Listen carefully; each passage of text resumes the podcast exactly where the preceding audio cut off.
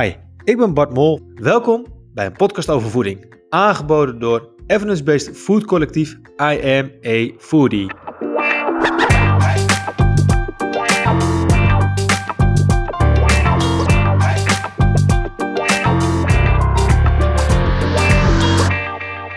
Hey, welkom bij een nieuwe aflevering van een podcast over voeding.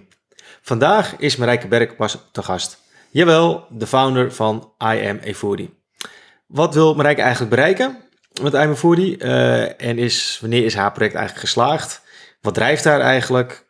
Nou, in ieder geval genoeg onderwerpen die we kunnen, kunnen bespreken in deze podcast. Dus uh, nou, let's go. Normaal starten we eigenlijk met een 30 uh, seconden pitch vraag van wie ben je, wat doe je? Maar ja, we hebben daar eigenlijk nu een hele podcast voor van een minuut of 40. Dus dan beginnen we eigenlijk gewoon met Marijke. Welkom in de show van vandaag. Ja, dankjewel. Leuk dat ik te gast mag zijn in mijn, onze eigen podcast. ja, nou ja, ik hoop dat je er tevreden over bent hoe, en hoe het allemaal gaat. Maar we beginnen altijd met een, een eerste vraag van wat is je grootste voedingsfrustratie of teleurstelling van de afgelopen week? Ja, nou, frustraties over voeding heb ik eigenlijk op dagelijkse basis wel. Maar van de week zag ik weer een artikel in de media. Het was de Beaumonde. Dat ging over hoeveel glazen wijn mag je tijdens je dieet. Het was echt zo'n stom artikel. Dacht ik, ja, dit is weer typisch zo'n voorbeeld van, ja, dieet. Die moet dus op dieet volgens de media. Ehm, dat vind ik ook sowieso al raar dat je eigenlijk aangezet wordt tot dieetgedrag. En dan vervolgens ook nog hoeveel glazen wijn mag je dan? Um, ja, ga je mensen nu echt aanzetten te drinken van alcohol? Dat is natuurlijk super slecht. Dat vond ik ook heel stom. eigenlijk, uh, ja, in de media staan natuurlijk sowieso super veel stomme artikelen over voeding. Uh, maar ja, dit vond ik echt wel weer de, de, de kroon spannen. Dus uh, ik was daar redelijk gefrustreerd over. Ik heb me zelfs uh, in mijn uh, Insta-timeline gezet. Ik dacht, is dit voor een stom artikel? En goed, je hoort de... het wel. frustratie all over the place. Oké, okay. en hoe, hoe gaat zoiets? Krijg je dan gelijk heel veel mensen die allemaal likes geven en hugs van... ja, ik ben het met je eens? Of staat de redactie van, van Bemonde gelijk op de stoep van... wat maak je me nou? Nou, ik heb ze niet eens getagd, denk ik, dus ze weten het niet. Maar uh, ik krijg dan wel heel veel bijval van volgers inderdaad die dat ook gewoon een heel stom artikel vinden. Ja. Oké. Okay. En uh, moeten we nog even doorgaan met dit item? Dat er nog meer frustraties zijn? Of was dit het even van uh, afgelopen week? nou, ik heb nog wel een frustratie inderdaad die ik met jullie wil delen. En dat gaat over um, ja, een, een nieuw bedrijf, een website die claimt dat je op basis van een druppeltje bloed en een, een klein monster van je ontlasting uh, kunt bepalen wat je nou eigenlijk nodig hebt qua gezondheid. Dus welke supplementen je nodig hebt, hoe het met je hormoonbalans staat en um, ja, wat was nog meer? Iets met afvallen. Oh ja, of je moet afvallen of niet. Nou, gewoon het totale gezondheidsprofiel kunnen ze dan voor jou beoordelen. En ook bekijken wat je nou precies nodig hebt. Dat is natuurlijk super raar, want uh, hoe kun je nu op basis van één druppeltje bloed het allemaal weten? Dat vind ik, in, ja, het, springt een beetje in op dat, die hele trend van uh, personalized nutrition. Dus uh, persoonlijke voedingsplannen op basis van kleine parameters in jouw lichaam. Maar het slaat natuurlijk eigenlijk nergens op. En wat ik ook zag is dat je dan meteen die, die supplementen bij hun kunt afnemen. Dus dat is natuurlijk een, super cool business model voor hunzelf. Uh, maar ja, ik zou zeggen, trappen niet in mensen. Het, is gewoon, het kan niet. Het kan nog niet. Dit, dit personalized nutrition staat echt nog in de kinderschoenen. En als je dit soort bedrijven ziet, dan zou ik zeggen, nou, skip het. dat, is, dat bestaat gewoon niet. Oké, nee, dat, dat uh, begrijp ik. En is dat dan ook de aanleiding geweest waarom je het platform bent ben gestart zoveel jaar geleden? Neem, neem ons even mee terug wanneer voor jou het kwartje viel dat je dacht van oké, ik, ik, ga I'm voor die starten. Uh, nou, frustratie is daar wel een onderdeel van geweest inderdaad.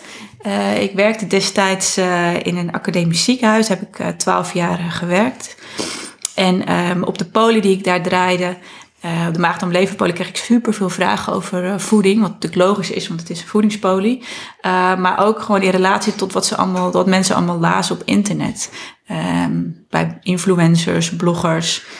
maar ook gewoon andere websites. Gewoon ja, je hebt heel veel prikkels over voeding en in de bladen. En je hoeft het maar een krant, een blad, weet ik wat, open te slaan. En je krijgt alweer een nieuw bericht over voeding of of een prikkel. Um, wat ook best vaak tegenstrijdig is. En dat snappen mensen op een gegeven moment niet meer. Het is een soort van jungle waar je eigenlijk eh, de weg niet weet. Dus toen dacht ik, ja, hey, de mensen die er echt wat over weten, namelijk uh, diëtisten, voedingswetenschappers, ehm, ja, die komen eigenlijk helemaal niet aan het woord. Eigenlijk zie je op internet alleen maar influencers die een soort van ervaringsverhalen aan het delen zijn of een keer een korte cursus gedaan hebben. Dus dacht ik, nou, ik kan dat ook. Wel. Oké, en wa- was jij dan eh, de eerste in dat voedingslandschap qua diëtisten en voedingswetenschappers die dacht van, goh, ik ga me een keer over bloggen? Of waren eigenlijk al ook collega professionals die er ook al mee bezig waren? Weet ik eigenlijk helemaal niet. Ja, dat is ook heel suf. Net, ik heb helemaal niet eh, een soort van vergelijkend, eh hoe noem je zoiets, eh, geen, geen research gedaan van, doet iemand dit al eigenlijk? Nee, ik dacht gewoon, ik moet dit doen, ik heb wat te vertellen en ik ga gewoon beginnen ermee. Maar of anderen dat al deden, dat weet ik eigenlijk helemaal niet goed. In ieder geval, ik zag ze niet, dus, dus daarom dacht ik, dat doet zeker niemand. Maar ik heb er niet per se eh, heel goed over eh, nagedacht toen. En neem ons, eh, ons, ons eens mee naar de early days. Ehm, in 2013 heb je het opgestart. Ja, ben je toen gewoon begonnen met een website maken? Of was het daarvoor eigenlijk al dat je bent ben gestart en dat je toen eerst een beetje aan het pielen was van wat wil je nou eigenlijk? Of wat? Nou, ik had natuurlijk al heel lang wel ideeën van eh, het moet sowieso een website worden die er heel mooi uitziet. Eh, want dat zie je natuurlijk bij al die influencers ook. Websites die er heel mooi uitzien. Ehm, waardoor je meteen natuurlijk eh, aangetrokken wordt daartoe als lezer, als kijker. Dus dat wilde ik ook. En ik hou ook heel erg van design en mooie dingen maken. Ik had ook wel designer kunnen zijn in een ander leven, denk ik wel eens. Ehm, dus dat, dat was eigenlijk het belangrijkste. En daar was ik al heel lang over aan het nadenken. Ja, dat kan ik eigenlijk wel goed. lang nadenken over dingen en dan vervolgens nog niet doen. Ehm, dus dat eh, ja, is een beetje een nadeel eigenlijk. Eh, dus ik, duurde best wel een tijdje voordat er überhaupt iets eh, was. Maar dat is het perfectionistische. Dat je iets, iets had gemaakt of bedacht. En dat je dacht, het is nog steeds niet mooi om live te zetten. Dat je denkt, dit wil. Of vond je het ook gewoon spannend om iets in die open te zetten op internet te gooien? Eh, ja, ook natuurlijk. Maar eh, ook, ook wel dat ik dacht, het is nog niet mooi genoeg voor goed genoeg. Want ik heb die eerste website van I'm a helemaal zelf eh, gebouwd. in WordPress. En dan kan je natuurlijk 1 miljoen thema's kiezen. Die, en dan ging ik steeds weer een andere kijken. Of die is ook mooi. Of weer wat tweaken of aanpassen. Of ja, vervolgens kan je natuurlijk urenlang door blijven gaan. En ik deed destijds nog met een studievriendin. Maar nog even doorvragen. Je hebt zelf dan een website gemaakt in WordPress. Eh, is dat Ja. zo eenvoudig om te doen? Of ben je een multitalent die zowel iets kan designen, iets kan coden... en je bent toevallig nog diëtist er ook bij? Of? Eh, nou, ik kan niet coden. dat eh, niet hoor. Maar eh WordPress site, ik denk dat iedereen dat wel zou kunnen als je maar... Je moet je wel inlezen natuurlijk. Mhm. En met code bedoel je het programmeren gewoon van... Ja, dat kan ik niet. Maar ehm, ja, ik denk dat er genoeg how-to's en filmpjes zijn dat iedereen die een beetje, eh, ja, een beetje digitale tooling. eh, die feeling heeft eh, dat je dat wel ja, met... eh, als je er een beetje feeling mee hebt, dan kan je het wel, denk ik. Ehm, nu tegenwoordig zeker, want het wordt volgens mij steeds makkelijker om zoiets te Ja. maken. En zeker om een eigen website in de lucht te krijgen, dat, dat gaat Ja. steeds makkelijker. Dus nee, precies. Maar, en je bent I'm Foodie dus gestart met een studievriendin. Daar, Ja, daar, daar waren Klopt, ja, met een studievriendin. Ehm, en dat maakt het denk ik wel makkelijker om het online te krijgen. Want met z'n tweeën heb je natuurlijk eh, altijd weer een stok achter de deur. Dat je, je kunt over dingen brainstormen, maar je kunt ook bedenken hoe wil je het nou. En vervolgens eh, ga je ook echt plannen maken en afspraken maken. Dus toen op een gegeven moment was het er ineens. Toen hadden we gewoon een paar artikelen live gezet en ehm een wij Facebook aangemaakt. En eh, toen waren we online. Oké. Ja. En is, is, is En die... eerst ging dat helemaal niet over echt eh, precies dezelfde onderwerp waar we nu over schrijven. Het ging ook voor allerlei onderwerpen over voeding. Natuurlijk wel ook over de dingen waar we gefrustreerd over waren, maar ook gewoon over, eh, weet ik veel. eh, het ging ineens over een boek. Of, het was nog een beetje zoekende van waar gaan we het nou precies over hebben eigenlijk. Maar Ja. ja, het was er wel. Oké, en de, de- dus dat was gewoon starten. En wat is de stip aan de horizon? Daar werk je ergens naartoe? Wanneer ben je tevreden? Wanneer zie je het zelf als een succes? Wat kan je daarover zeggen? Nou, misschien is het wel leuk om eerst nog wat meer te vertellen over eh, hoe het daarna eigenlijk ging. Want ja, ik ben natuurlijk I'm a foodie eh, of het gezicht ervan, maar ik ben natuurlijk helemaal niet alleen. Ehm, ja, ik begon met schrijven. Op een gegeven moment ging die vriendin, eh, die stopte ermee. Ehm, en dacht ik, ja, oké, nu ben ik alleen. En ik weet eigenlijk niet, heel, niet alles. Natuurlijk eh, weet ik veel over voeding. Ik ben ook voedingswetenschapper, dus dat maakt dat je ook wel weer alles kunt onderzoeken waar je nog niks over weet. Maar toch wil ik niet pretenderen dat ik eh, expert ben op alle, alle gebieden. Dus ik dacht, ja, ik wil eigenlijk ook wat andere mensen erbij. Dus heb ik gewoon gevraagd, eigenlijk met mijn LinkedIn erbij van, oh, misschien is die leuk, misschien is die leuk. Ehm, nou, en uh, iedereen die, uh, die ik benaderde, die reageerde eigenlijk wel positief. Van, uh, oh ja, ik, ook een goed idee. En ik wil ook mijn hart maken om tegen al die fabels te gaan strijden. En ehm, ja, dat wil ik wel. Dus zo geschieden. En we waren, we waren ineens met meer. En gaandeweg door de jaren heen, want dit speelt inmiddels zeven jaar geleden. waren er steeds meer mensen die zich zelf gingen aanmelden. Van, goh, wat jullie doen vind ik echt super tof. En ik wil ook meedoen, meeschrijven. En iedereen deelt eigenlijk diezelfde frustratie en ook passie eigenlijk voor het onderwerp. Uh. Het is overigens niet alleen frustratie, om daar nog even op terug te komen. Waarom ik I'm a Foodie ben begonnen en waarom ik daar uh, nog steeds eigenlijk uh, zo actief mee bezig ben. Het heeft ook echt te maken met mijn werk in het ziekenhuis. Ik zag daar zoveel zieke mensen. Um, dan bedoel ik mensen met diabetes, nierziekte, hartfalen, allerlei hart- en vaatziekten. Ja, gewoon chronische ziektes eigenlijk. En uh, ja, met voeding kun je daar zoveel aan doen. En dat ja, lijkt een beetje onderbelicht te zijn. Of ja, mensen die weten wel dat ze met voeding uh, gezondheid kunnen beïnvloeden. Maar weten mensen nou eigenlijk ook dat je met gezonde voeding uh, kunt voorkomen dat je ziek wordt? Er zijn zoveel ziektegevallen te voorkomen. En dan heb ik het ook over bijvoorbeeld bepaalde vormen van kanker. Ja, gewoon heel veel verschillende chronische ziektes die je kunt voorkomen door gezond te eten en te leven. Ja, dus als ik het goed uh, samenvat, dan zijn dat de twee pijlers van het ontstaan van I'm. Enerzijds de, wat je zag in de dagelijkse praktijk, dat mensen wel gezond willen eten, uh, maar niet weten hoe ze dat moeten doen door de misleiding uit, vanuit de industrie of ook de, dingen die in de magazines uh, staan. Of, ja. of die op internet staan uh, mm-hmm. überhaupt. Maar ook dat mensen uiteindelijk daardoor uh, ja, een bepaalde ziekte ontwikkelen. Doordat ze een ongezond voedingspatroon erop nahouden. En die je dus uiteindelijk in het ziekenhuis ziet.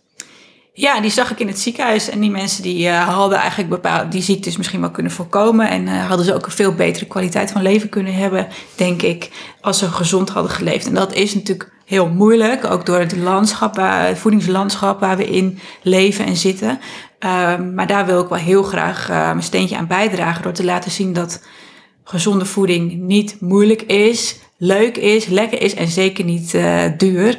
Uh, dat zijn allemaal dingen die niet meespelen, denk ik, waar, me, waar mensen het idee van hebben dat het wel zo is. Dat het bijvoorbeeld heel ingewikkeld is om gezond te koken of dat het duur is om gezonde voedingsmiddelen te kopen.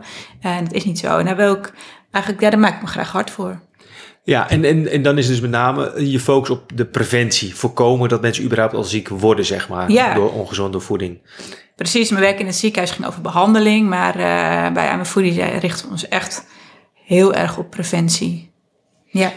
En is het ook een, een verschillende aanpak, zeg maar? Dat je, want uh, met Eigen Voeding heb je geluid van preventie. Wat is gezonde voeding en hoe doe je dat vervolgens? In het ziekenhuis komen dus mensen die eigenlijk al een bepaalde ja, een ziektebeeld hebben.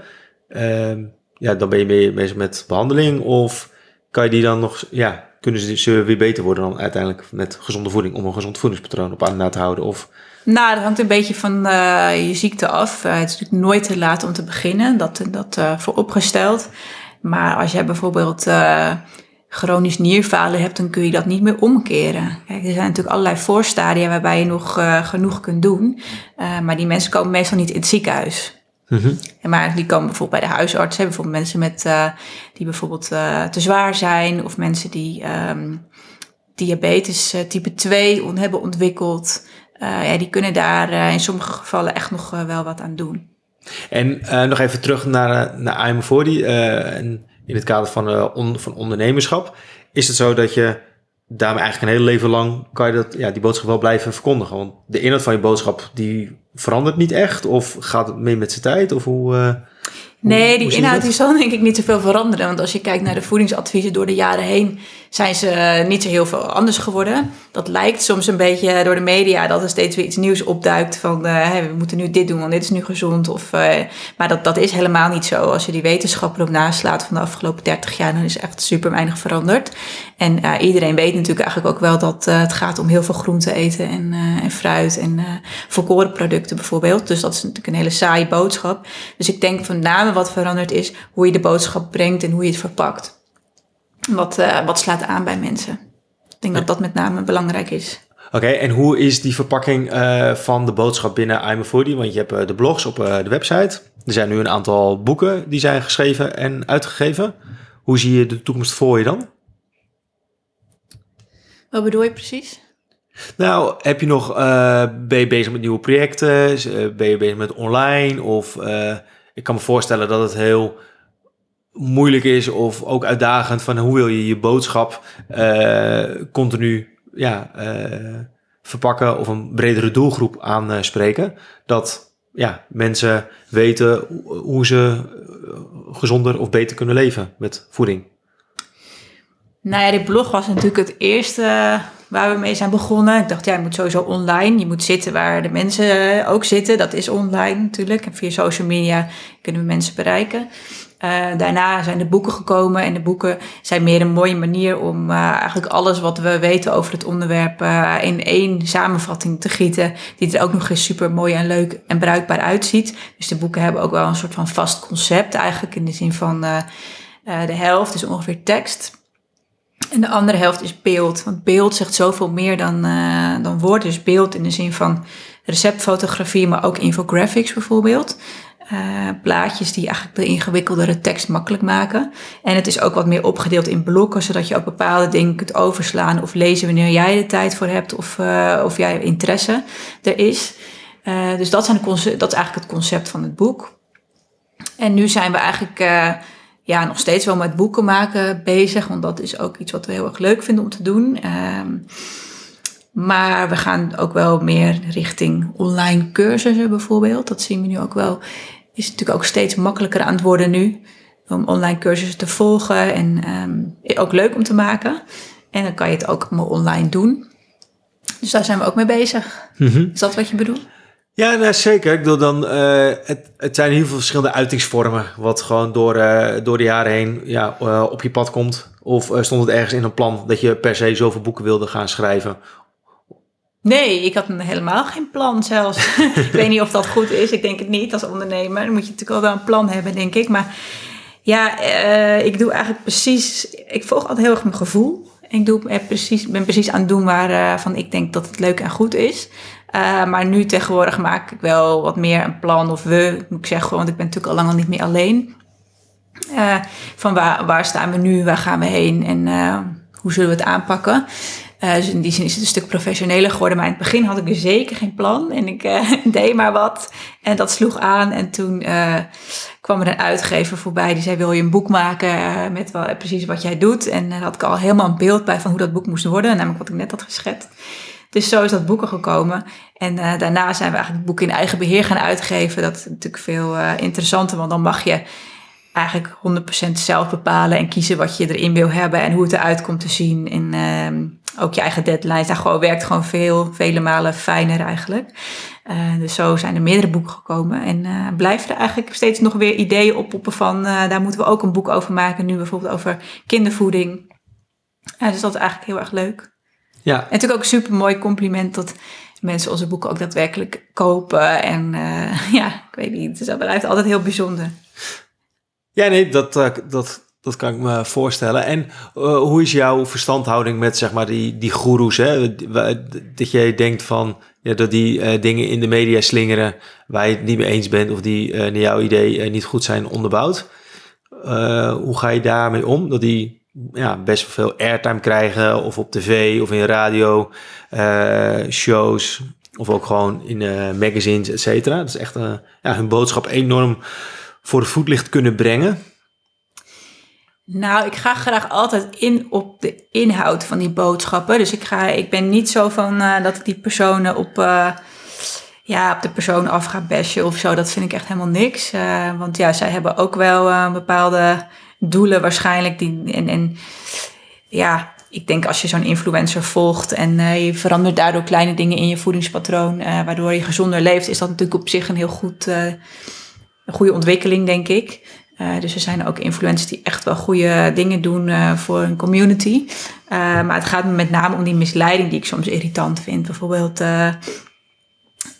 influencer A die bijvoorbeeld een appelazijn challenge gaat doen, omdat appelazijn goed schijnt te zijn voor, ja, weet ik wat allemaal, detoxen. En dat vervolgens die community, dus die appelazijn bij die bewuste influencer moet kopen en daar heel veel geld aan kwijt. En dat het, ja, laten we heel eerlijk zijn, appelazijn, dat werkt helemaal niet detoxend. Je hebt gewoon je eigen lever, uh, nieren, je spijsverteringssysteem. Uh, dat werkt natuurlijk echt als de beste detoxer ever. Dus dat heb je de hele appelazijn niet voor nodig. En dat, dat vind ik gewoon meer irritant. Dus dan zou ik eerder het zo aanpakken om een artikel over de werking van appelazijn... of de niet-werking van appelazijn in dit geval uh, te maken... dan dat ik echt die bewuste influencer zwart zou maken. Dat zou ik niet zo snel doen. Nee, maar dat is gewoon dat, dat jij als persoon dat gewoon niet een fijne aanpak vindt. Nee, het gaat uiteindelijk om de inhoud en wil het ook gewoon positief houden. Een positieve boodschap over voeding. Hoe kun je het wel doen in plaats van wat moet je allemaal niet doen. Um, ja, dat werkt denk ik ook gewoon veel beter. Ja, dus, dus jij... het zijn ook gewoon rolmodellen. Hè? Mensen zijn echt fan van dat soort types. Uh, dus ja, het helpt ook echt niet om het helpt er gewoon niet om mensen zwart te maken. Maar stap jij dan s ochtends je bed uit en dat je nog eerst uh, even gaat googlen wat weer de laatste hype zijn? Dat je denkt, goh, ik heb weer een mooi haakje en dan ga ik weer een leuk artikel over schrijven. Nee. en op inhoud? Of... Ik volg ze wel allemaal. Om te kijken wat ze zeggen. Volgen ze jou ook of niet? Of, dat uh, denk, weet ik niet. Oh, dat weet je niet. Nee. Heb je, al, heb je nog een recente fitty gehad met iemand? Of, uh... Nee, die heb ik dus niet echt. Fitties, nee. nee. Nee, omdat het puur op de inhoud... Maar ik kan me voorstellen, als jij een inhoudelijk artikel ergens over schrijft... waarbij je de claim van iemand onderuit haalt... dat diegene denkt van... Uh, Oké, okay, ik zit hier niet op te wachten. Ja, nou, dat is wel een keertje voorgekomen inderdaad. Um, maar dat was niet een persoon, maar meer een uh, hele industrie. ik heb een keertje Himalaya zout naar het lab gestuurd. Want ik dacht, oké, okay, Himalaya zout is nu een hype. En dat moet je dus nemen of vanwege de mineralen die erin zitten. Um, ja, is dat nou eigenlijk wel zo? En normaal gesproken kan je gewoon in een database kijken van... Uh, oké, okay, voedingsmiddel X, wat zit er nou eigenlijk in? Dat is de NEVO, Nederlands Voedingsmiddelenbestand. Daar kijk ik dan gewoon in. Maar ja, dat soort nieuwe voedingsmiddelen staan daar eigenlijk helemaal niet in. Of destijds niet, tijdens die uh, superfood hype. Dus ik dacht, nou, ik stuur het gewoon zelf naar een voedingslab. Gewoon een onafhankelijk laboratorium. Dus ik een sampletje gemaakt, opgestuurd. En ik kreeg natuurlijk heel snel die resultaten terug. En dat heb ik vergeleken met gewoon keukenzout. En wat blijkt, maar dat wist ik natuurlijk eigenlijk ook stiekem wel. Eigenlijk komt het gewoon overeen met keukenzout qua samenstelling. Er zitten misschien ietsje meer mineralen in, dan in de zin van uh, magnesium of jodium. Maar daar moet je echt kilo's zout voor nemen om daar überhaupt wat aan te hebben. Dat gaat natuurlijk niemand doen. En dat is ook hartstikke ongezond om dat te doen. Uh, dus eigenlijk uh, ja, zou je kunnen stellen op wat kleine details, nou is het gewoon hetzelfde. En daar had ik een blogje over geschreven met die uitslagen erbij van het lab. En toen kreeg ik echt superveel mails van uh, verkopers van Himalaya zout die dat uh, heel stom vonden ten eerste. Dat ik had dat gepubliceerd, niet waar. En, en uh, ja, ik kreeg ook allemaal verwensingen naar mijn hoofd. Daar lusten de honden echt geen brood van. En toen dacht ik, ja, waar doe ik dit eigenlijk voor? Het is echt zo demotiverend. Maar ja, aan de andere kant, het is wel, ja, het lab ligt, niet. Hè? Het is gewoon hoe het is. -hmm. Uh, dus ja, wat kan je er verder van zeggen? Dat moet je gewoon naast je neerleggen, denk ik, dit soort dingen. Maar dat vond ik toen nog steeds, denk ik, eigenlijk wel moeilijk. Dat soort dingen. Dat je dan gewoon zoveel uh, kritiek krijgt van uh, mensen daarop. Ja, maar kan je dat dan makkelijk naast je neerleggen? Of blijf je daar nog wel een tijdje mee in je hoofd zitten dat je daar een slecht gevoel bij hebt? Ja, dan blijf ik nog wel een tijdje mee in mijn hoofd zitten. Um, ja, dat, ik, ik vat dat er misschien een beetje persoonlijk op. Dat moet ik ook niet doen. Nee. Dat doe ik niet meer zo, maar dat toen wel. Dat ik dacht, ja, jeetje, al die negatieve reacties. En ook onder dat blog uh, allemaal uh, negativiteit. En ik, ja, wat moet ik daar nou mee? Moet ik daar iets mee? Maar misschien moet ik daar helemaal niks mee. Ik kan het gewoon naast me neerleggen en klaar. Ik heb gewoon gezegd waar het op staat en uh, hoe het zit. Klaar, ja. toch? Ja, hoef je verder misschien helemaal niks mee. Nee, precies. Nee, maar dan ben je... Dat is ook een learning hoor.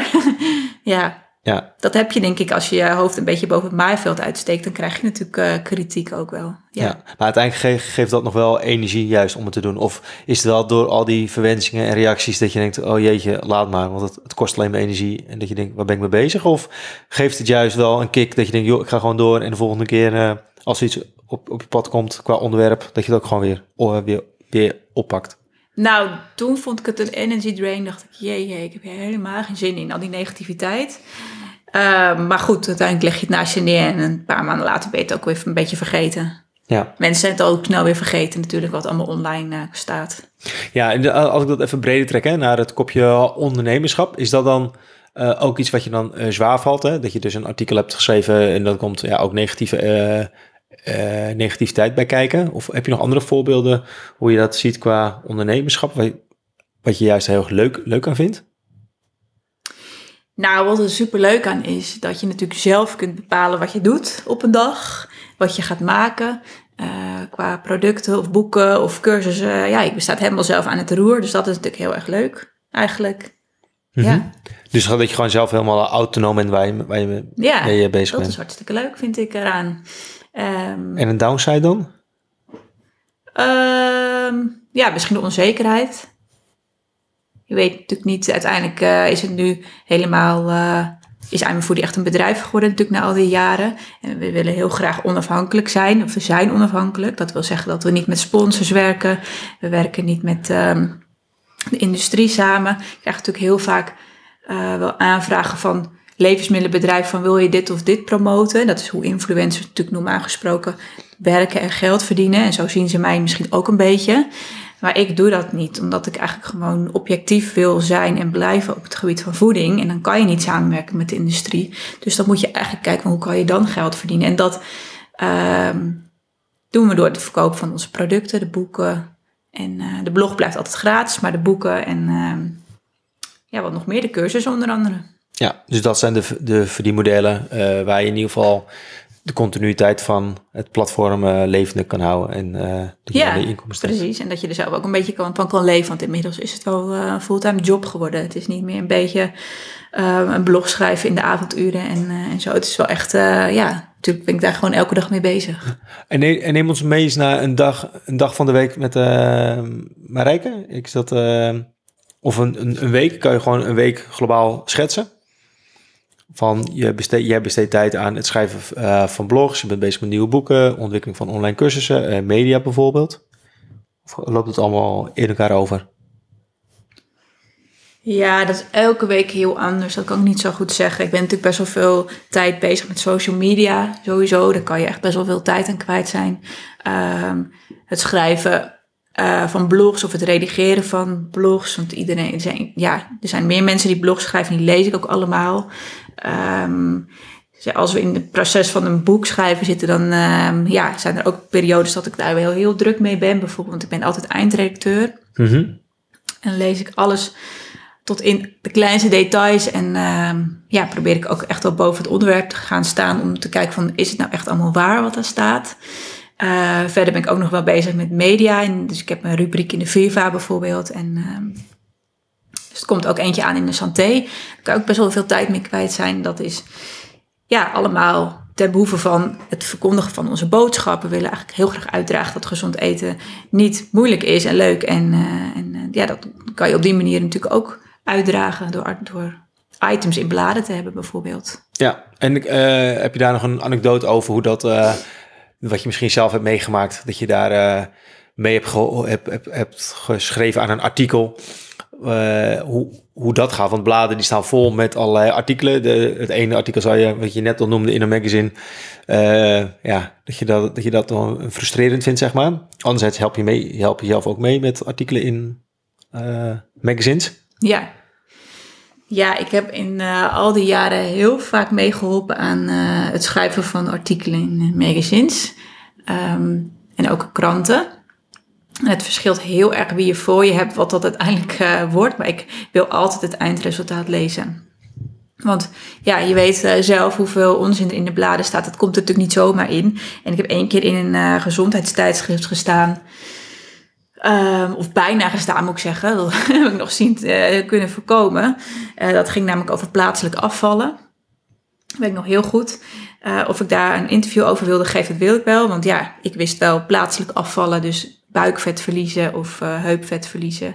Net wat je wil, dat bestaat eigenlijk niet. Als je afvalt, dan kiest je lichaam zelf waar het op basis van genetica onder andere en waar, dat, waar je dat kwijtraakt. Dus je kunt niet plaatselijk afvallen. Maar dat artikel dat ging over plaatselijk afvallen door uh, bepaalde dingen eten of niet eten.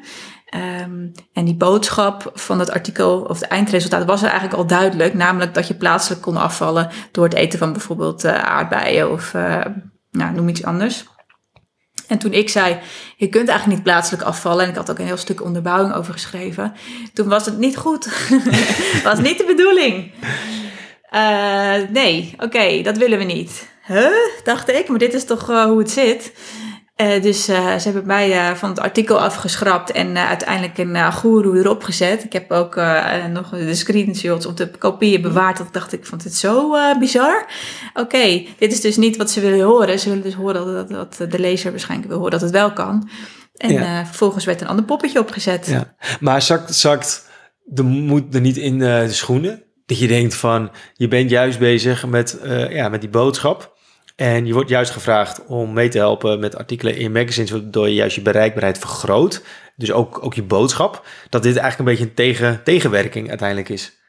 Ja, de moed zakte me toen wel in de schoen. Ik vond het echt, uh, nou, ik vond het echt belachelijk eigenlijk. Ik dacht, wat is dit? Ik heb ook toen wel een blog over geschreven en die ging toen ook echt, uh, nou, viral weet ik niet, maar echt heel uh, veel gelezen is die toen. Hm. Ik dacht, ja, ik wil niet, niet zomaar me voorbij laten gaan, want mensen weten niet wat er vaak achter schuilt. Kijk, ik zeg niet dat het overal zo gaat. Er zijn natuurlijk ook uh, genoeg bladen die willen echt goede informatie in, die, in uh, de tijdschriften. Dus alles wat ik voor bladen en kranten doe is trouwens altijd onbetaald. Want ze willen altijd dat je gewoon gratis meewerkt. En dat doe ik ook. Uh, maar dat maakt het ook wel bizar. En ja. dat is misschien ook een van de redenen dat er vaak onzin in komt. Moet allemaal gratis. En, um, ja. ja. En zie je wel een, een verbetering door de jaren heen dat je meewerkt aan artikelen en magazines? Of is per saldo dat de ene keer staat er gewoon ja, weer magazine bomvol onzin.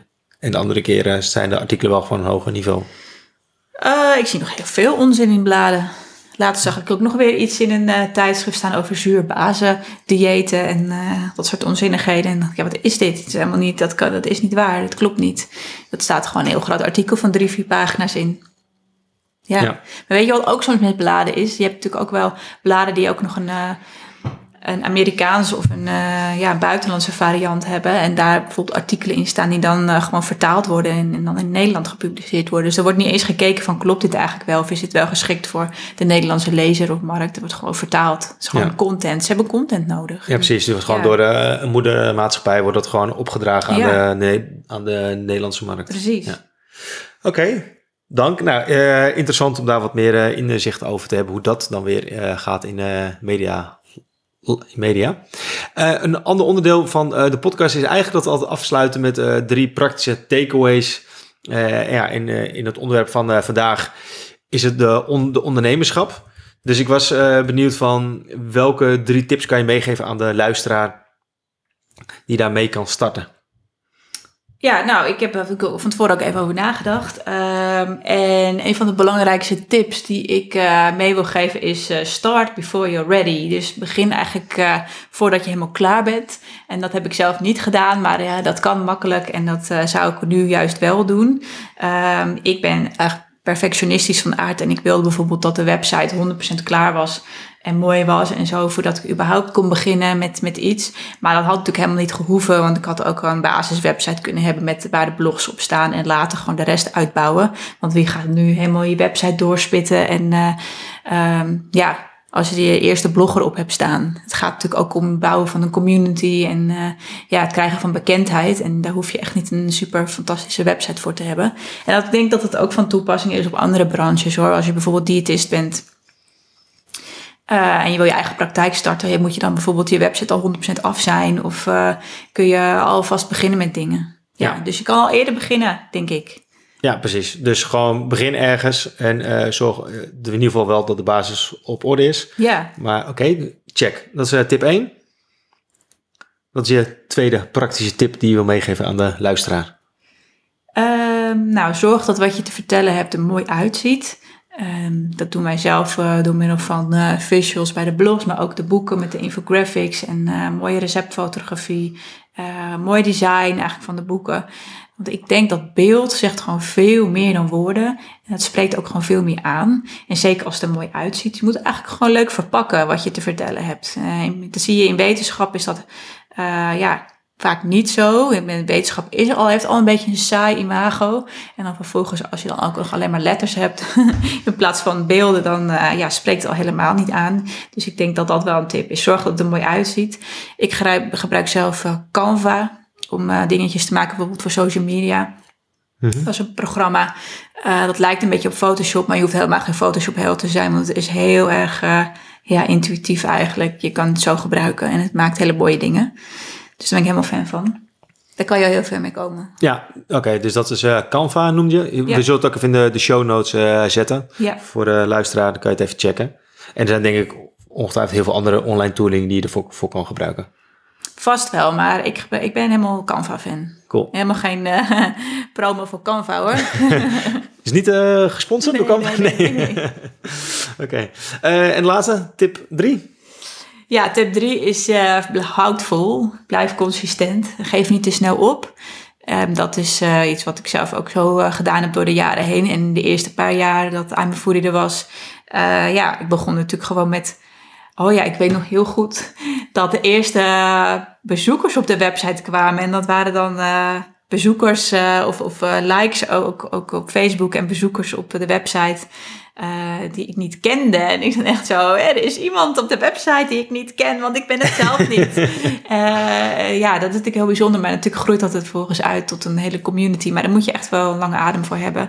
Natuurlijk heb je ook wel de voorbeelden dat mensen iets starten en binnen een jaar hebben ze 50.000 eh, likes en fans en eh, bezoekers. En eh, dat zijn denk ik ook wel uitzonderingen. Ik denk dat je als je volhoudt en je gelooft in je eigen boodschap en je hebt echt iets te vertellen, dan komt het vanzelf. Of nou ja, vanzelf. wel, je moet wel aan werken, maar dan ja, dat, groeit. Dat gaat groeien, dat weet ik zeker.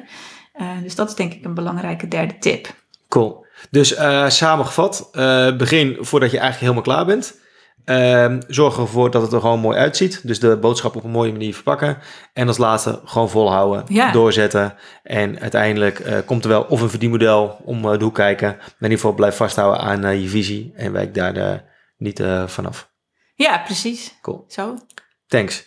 Nou Marijk, hartstikke dank voor deze podcast en de inzichten van het ontstaan van I'm a Foodie en hoe, hoe jij daar eh, mee bezig bent met de bevlogenheid. En als allerlaatste vraag hebben we toch altijd wel van wie moet er nog meer eigenlijk te gast zijn in eh, een podcast over voeding? Ja, Heb je nog leuk. een aantal tips voor ons? Ja, ik heb natuurlijk heel veel ideeën over. Ehm, maar ik zou het heel leuk vinden om ehm Nart Klabbers in de show te hebben. Eh, ik had aan het begin iets gezegd over personalized nutrition. En ehm, dat daar natuurlijk heel veel van eh, niet waar is. Maar Nart Klabbers die weet eigenlijk alles over wat er nou wel van waar is. Eh, dus hij eh, is eigenlijk de personalized nutrition man, onderzoeker. Ehm, ja, hij weet er alles Goeroe? over. Goeroe, wou ik bijna zeggen. Maar ja, hij weet er alles Oké, over. ja. En dus die zou ik wel een leuke, een leuke gast vinden. En ten tweede zou ik Jaap Sedel, dat zou ik echt een eer vinden als die in onze podcast eh, zou willen komen. Ehm, ja, hij heeft echt wel heel veel goede ideeën en zienswijzen over ehm, gezondheid en ook over overgewicht in relatie tot ja, het landschap waar we in leven. En dat bedoel ik eigenlijk, ja, denk aan de voedingsindustrie. Eh, wat is de rol van de politiek nou eigenlijk? Hoe kunnen we nou zorgen eh, dat mensen gezonder worden? Eh, wat, moet er eigenlijk, wat is daar op politiek niveau nou eigenlijk voor nodig? Ja, hij heeft daar gewoon wel goede ideeën over. En dat denk dat dat een heel leuk interessant gesprek kan zijn. Ja, oké, nou thanks. Ik zal ze gaan vragen. En wellicht dat ze die dan binnenkort langskomen in de show. En als afsluiting, ja, de schoorstel moet, eh, moet natuurlijk ook gewoon roken bij uh, I'm Foodie. Heb je, wil je nog wat promo maken over een eh, product, een cursus, eh, een nieuw boek waar je mee bezig bent? Nou, we zijn sinds een half jaartje eigenlijk al wel, denk ik, bezig met een nieuw boek. En dat is in dit geval niet eens een boek wat we zelf schrijven, maar eentje die we vertalen. Dus dat is ook wel weer heel spannend. We zijn namelijk bezig met een vertaling van ehm, het boek Intuitive Eating. Eh, dat gaat over, ja, de titel zegt het al, intuïtief eten. En dat is eigenlijk een ja, een tegen, eh, hoe zeg je dat? Tegengeluid op eh, de dieetindustrie. En het mag geen verrassing zijn, maar ik ben echt helemaal anti de dieetindustrie. Ja, het wordt ons maar de hele tijd aangepraat dat we op dieet moeten, dat we moeten afvallen. Maar eigenlijk werken diëten om af te vallen compleet niet. En dat werkt alleen maar je hele stofwisseling om zeep. En ehm, je hebt er ook nog eens niks aan. En dat intuïtief eten ehm, is eigenlijk een stroming die eh, zie je eigenlijk in Amerika veel meer. Dat is daar heel bekend eigenlijk. Ehm, er zijn ook wel hele mooie boeken over verschenen. Door diëtisten ook, dus echt vakprofessionals. Eh, en in Nederland is dat eigenlijk nog niet zo bekend. Dus ik vind het echt fantastisch om daar in Nederland eh, meer bekendheid aan te geven. Intuïtief eten is eigenlijk kort gezegd het weer, ja, weer leren luisteren naar de signalen die je lichaam geeft. Dus honger, verzadiging en je relatie met voeding herstellen. En tegen de dieetcultuur, de dieetbril afzetten. Um, ik hoor een hele pitch aankomen over, nou, over het boek. Maar goed, dat boek zijn we dus aan het vertalen. Ja. En dat is nou best wel een klus eigenlijk. Want het is uh, ja, heel Amerikaans. Dus uh, ja, om dat een beetje in normaal Nederlands te laten vertalen is, is nog best een werk. En wanneer, kunnen, wanneer kunnen de mensen het boek kopen? Nou, we willen wel binnenkort beginnen met de pre-order. Mm -hmm. januari, denk ik. Oké. Okay. Um, en ja, ik verwacht dat het in maart wel klaar zou zijn. Dus daar hopen we op. Oké, okay, ja. dat is uh, de planning. Nou, ik ja. zal in ieder geval in de show notes zal ik wel een linkje zetten als mensen op de hoogte willen, willen worden gehouden. Ja. Open uh, met updates.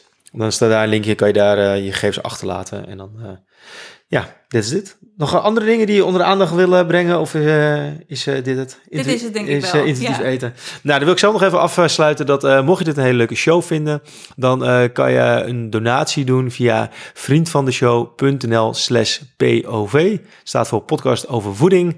En op die manier kunnen we alle kosten die we maken met de, met de tot stand komen van deze podcast kunnen daarmee dekken. Dus nou, mocht je dat willen doen, zou heel fijn zijn.